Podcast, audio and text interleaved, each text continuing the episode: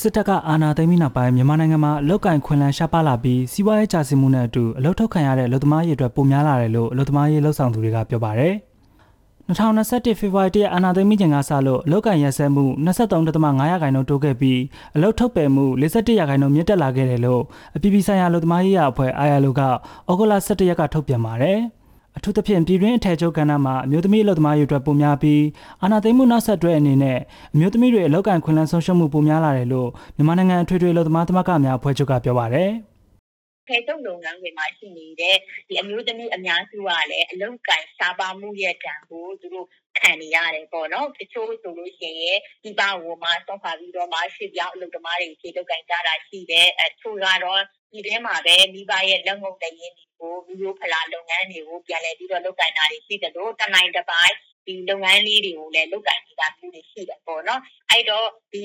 အလုပ်တိုင်စားပါမှုကတော့အာနာမသိမ့်တင်မှာလည်းရှိခဲ့တယ်ပေါ့နော်အာနာသိမ့်ပြီးနောက်ဆက်တွဲမှာတော့ပို့ပြီးတော့မှများလာကြတယ်ပေါ့နော်အဲ့ဒီထဲမှာမှအမျိုးသမီးတွေကပို့ပြီးတော့မှအလုပ်အကိုင်တွေအခွင့်အလမ်းတွေကတုံ့ဆုံရတာဖြစ်တယ်ပေါ့အဓိကကတော့အထည်ချုပ်လုပ်ငန်းတွေပေါ့နော်နိုင်ငံရေးရအလုပ်သမားတွေက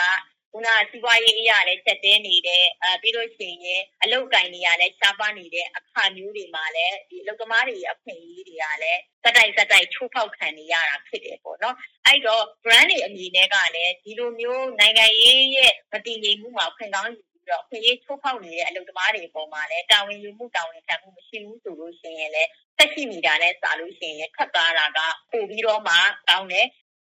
အလုပ်သမားတွေဟာအနည်းဆုံးလောက်ခလာစာငွေကျပ်4800ကနေဖူလုံတဲ့ပမာဏတစ်ခုရရှိအောင်တိုးပေးဖို့တောင်းဆိုခဲ့တာ9နှစ်ကျော်ပြီဖြစ်ပေမဲ့လက်ရှိအချိန်ထိလောက်ခလာစာမတိုးမြင့်သေးပါဘူး။မြင့်တက်လာတဲ့ကုန်စည်နှုန်းတွေကြားမှာမလောက်ငားတဲ့လောက်အားကနဲ့အလုပ်သမားခွင့်ရေးချိုးဖောက်ခံနေရတာကြောင့်လောက်ခလာစာတိုးပေးဖို့တောင်းဆိုခဲ့ကြပါတယ်။ပြီးခဲ့တဲ့ဇွန်လအတွင်းလောက်ခလာစာတိုးပေးဖို့ဥဆောင်တောင်းဆိုခဲ့ကြတဲ့ဟိုစိတ်မြန်မာအထည်ချုပ်ဆက်ယုံနဲ့ဆန်အပယ်ရမြန်မာအထည်ချုပ်ဆက်ယုံတို့ကအလုပ်သမားကောင်းဆောင်တွေကိုစစ်ကောင်စီကဖမ်းဆီးအရေးယူခဲ့ပါတယ်။ ပြည်တွင်းမှာလည်းလုံသမားသမဂ္ဂတွေထထဝင်ဝင်လောက်ကန်ခွင့်မရှိဘဲအဖွဲ့ချုပ်အများစုကိုစစ်ကောင်စီကမတရားအသင်းဖြစ်ကြီးညာထားပါတယ်။ဒါအပြင်လုံသမားသမဂ္ဂဖွဲ့စည်းတာလုံသမားခွင့်ရတောင်းဆိုသူတွေကိုလုပ်ငန်းရှင်တွေကနာမည်ပြစီးရင်သွင်းပြီးတခြားဘယ်ဆက်ရုံမှမအလုံးမရအောင်သတင်းလင်းတာတွေရှိတယ်လို့ကိုယ်တိုင်ကြုံရတဲ့အလုံသမားတယောက်ကပြောပါတယ်။အဓိကတော့ယောက်ျားလေးပေါ့နော်။ယောက်ျားလေးဆိုစိတ်တော်များမခံတော့ယောက်ျားလေးကဟိုအဲ့လိုမျိုးပေါ့နော်။တမကဟိုလောက်လာတယ်အဖွဲ့ကြီးတစ်ခုနဲ့လှုပ်လှုပ်ရှားလာတယ်။ခွေးအများကြီးတောင်းလာသူကဥဆောင်လာတယ်ဒါတို့သူကလည်းဝက်ရှိတော်များတွေးပြီးတော့ ယောက်ျားလေးရဲ့ဒီအလောက်ကံပေါ့နော်ပိတ်တဲ့သဘောမျိုးယောက်ျားလေးတော့ရှောက်ကြည့်မရတော့အဲ့လိုမျိုးတွေဖြစ်တာခင်ဗျအခုဆိုရင်အချိန်ကြီးတော့သုံးလာပြီအလုတ်တိုင်းမရှိဘူးတော့များလာပြီယောက်ျားလေးရောမိန်းကလေးရောနော်အဲ့လိုမျိုးတွေဖြစ်လာတယ်ခင်ဗျအနာသိမ်းမနောက်ပိုင်းအလုသမားသမဂ္ဂအဖွဲ့ဝင်တွေနဲ့အလုသမားခွင့်ရေးလှူရှားသူရာနဲ့ချီဖမ်းဆီးခံထားရပြီးစစ်ကောင်စီကအလုသမားတွေကိုကူညီနေတဲ့အလုသမားအဖွဲ့နဲ့သမဂ္ဂအဖွဲ့16ဖွဲ့ကိုမတရားအသင်းကြေညာပြီးဖမ်းဆီးထောင်ချတာတွေလှုပ်ဆောင်ခဲ့ပါတယ်။အ ပြည်ပြည်ဆိုင်ရာလူသမားသမဂ္ဂအဖွဲ့ချုပ် ITUC ရဲ့ဒီနှစ်မှာထုတ်ပြန်တဲ့ကမ္ဘာလုံးဆိုင်ရာလူသမားခွင့်ရေးညွှန်းကိန်းတွေအရ